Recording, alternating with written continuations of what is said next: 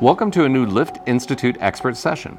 In this podcast series, experts from all around the world share their knowledge, experience, and views on different vertical transportation subjects. Today, we'll be talking about buildings of the future. And joining us from Dubai is Fulya Ayildiz, Architectural Coordinator for Solutions by Liftinstituut. Welcome, Fulya.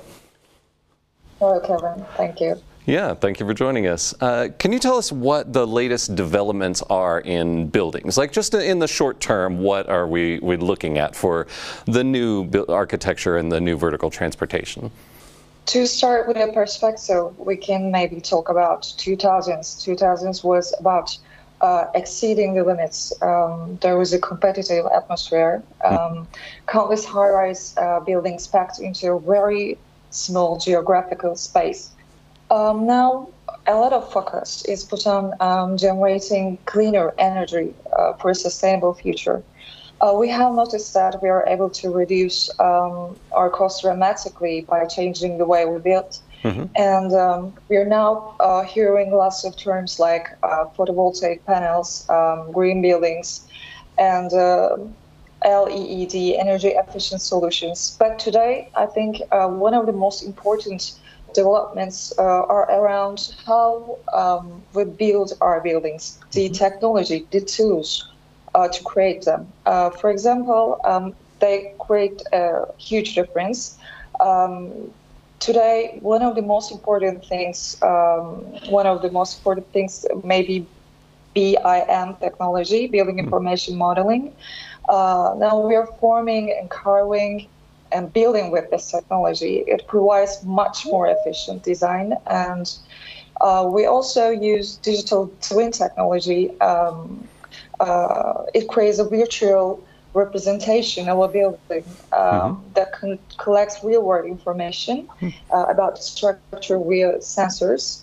Um, monitoring our buildings uh, with these sensors helps us to collect huge data and um, it also provides many improvements mm-hmm. uh, in short term. And um, we're able to make predictions and um, we're always collecting and providing data. I think that creates uh, a, the huge difference. Also, augmented reality.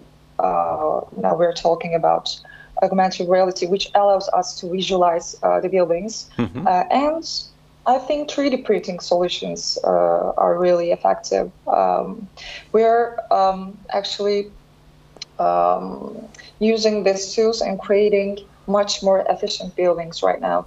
Um, these are short-term effects yeah. of these tools. That, that's very interesting, and that's a lot to consider. Uh, moving long term, what are we looking at? For, for example, are we looking at demographic changes that we have to take into account, or, or what other long term concerns are there? Yeah, once again, to be able to envision the future, first we have to comprehend today's dynamics. Uh, for looking today, we have to understand the past, but for the future, we have to comprehend all dynamics. Yeah. Um, we're living in an uh, Anthropocene era, so where's the room for the future? Um, um, even today, more than half of us uh, lives in urban areas, but by uh, 2050, it will be almost 70% uh, every year, wow. the global population. Mm-hmm. Um, so we have to think about what will be the impact once cities are uh, full like this and once cars become driver, driverless. So yeah. Uh, mobility access will gain more importance. Um, I think uh, we'll see relatively um, low rise buildings in the future they will dominate uh, the lands uh, instead of high-rise buildings, mm-hmm. and um, we'll see assisted living um, for the Asian demographics uh, mm-hmm. of the countries, especially in Asia.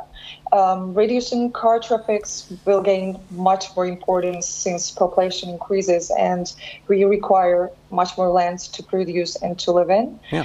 Um, so reaching buildings will transform accordingly. Mm-hmm. Um, I think um, roads will be electrical and autonomous for the future. And um, uh, never before has there been um, so much need for space. We're living in this period of extreme urbanization right now. Um, for example, we'll need to um, build as many buildings as we can in Africa in the next uh, 20 years, hmm. as have been built in Europe in the last 200 years. Wow. um, so uh, these are demographics, and um, yeah. that we'll work with. That's amazing. And uh, yeah, that's a dizzying amount of information uh, for us all to ponder. And you mentioned the Anthropocene era. I was going to ask about sustainability and what are the concerns there with material technology, architecture, or, or anything?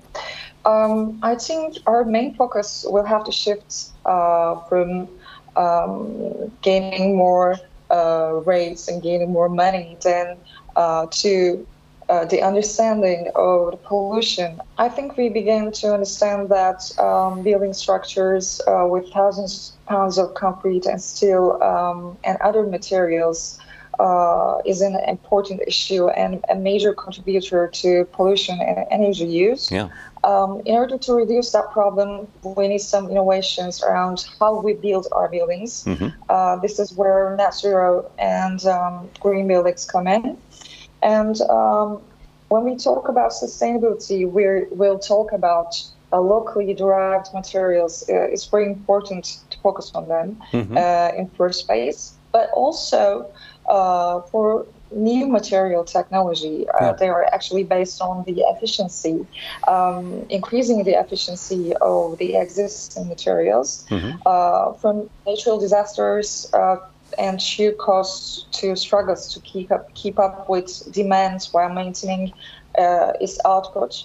Uh, To address some of these challenges, um, uh, many innovative firms are developing a generation of new building materials. So mm-hmm. Uh, these materials are being engineered to be smarter and um, stronger, self-sustaining, sleeker, and cleaner uh, while uh, producing them. Uh-huh. Um, so I can give a few examples uh, for these materials. Mm-hmm. Um, they are able to change how we build, how we design our buildings. Yeah. Uh, for example, self-healing concrete.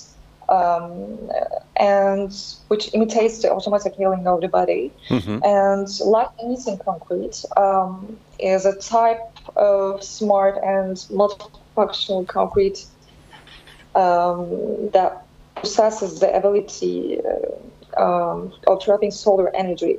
Mm-hmm. Um, so when it becomes more common, um, this will create a dramatic um, difference in terms of costs, in terms of uh, the environment by eliminating uh, highways, roads, bicycle lanes. Mm-hmm. Um, maybe translucent wood um, uh, is very important to consider because um, there is a possibility that it will um, supersede the plastics. Uh-huh. Uh, so it's really important. And concrete bricks, uh, we'll be talking about concrete bricks that, um, which we call breathe brick. Mm-hmm. Um, they have an internal filtration system that um, removes heavy elements in the air, so it's very uh, efficient for natural ventilation. Amazing. That's very cool. Uh, yeah, what are the trends regarding uh, people movement itself or, or, crowd management? You know, uh, what, what, why are these fields more important moving into the future? Uh, I think post-COVID helped. Yeah. COVID uh, era helped. Uh, but today there are many layers in the city, and there are many layers in our buildings. It's not simple um, mm-hmm. as before. So we have to um, provide safety and security uh, for these layers. Uh, uh, every day we see how we need alternative forms uh, of urban mobility. Mm-hmm. Um, it's becoming increasingly urgent in the parts of heavily um, congested roads. So um, the movement and crowd management helps us about uh, maybe evacuation, maybe about health uh, issues, and uh, as I've told you, safety and security. So um, these uh, these subjects are very important to consider. Yeah.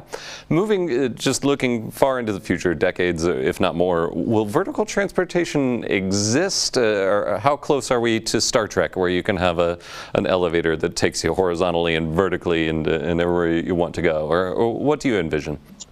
Uh, we were able to build such skyscrapers uh, because of the vertical transportation. Mm-hmm. Uh, like uh, cities were like Shanghai, uh, just because of the vertical transportation industry and the cars. Um, so I think uh, the movement through space um, is always imp- inspiration for the space itself. Um, just as it is flat in a car seat, our movement is flat in a car seat, and mm-hmm. uh, we tend to make more vertical uh, movements in an elevator seat. So mm-hmm.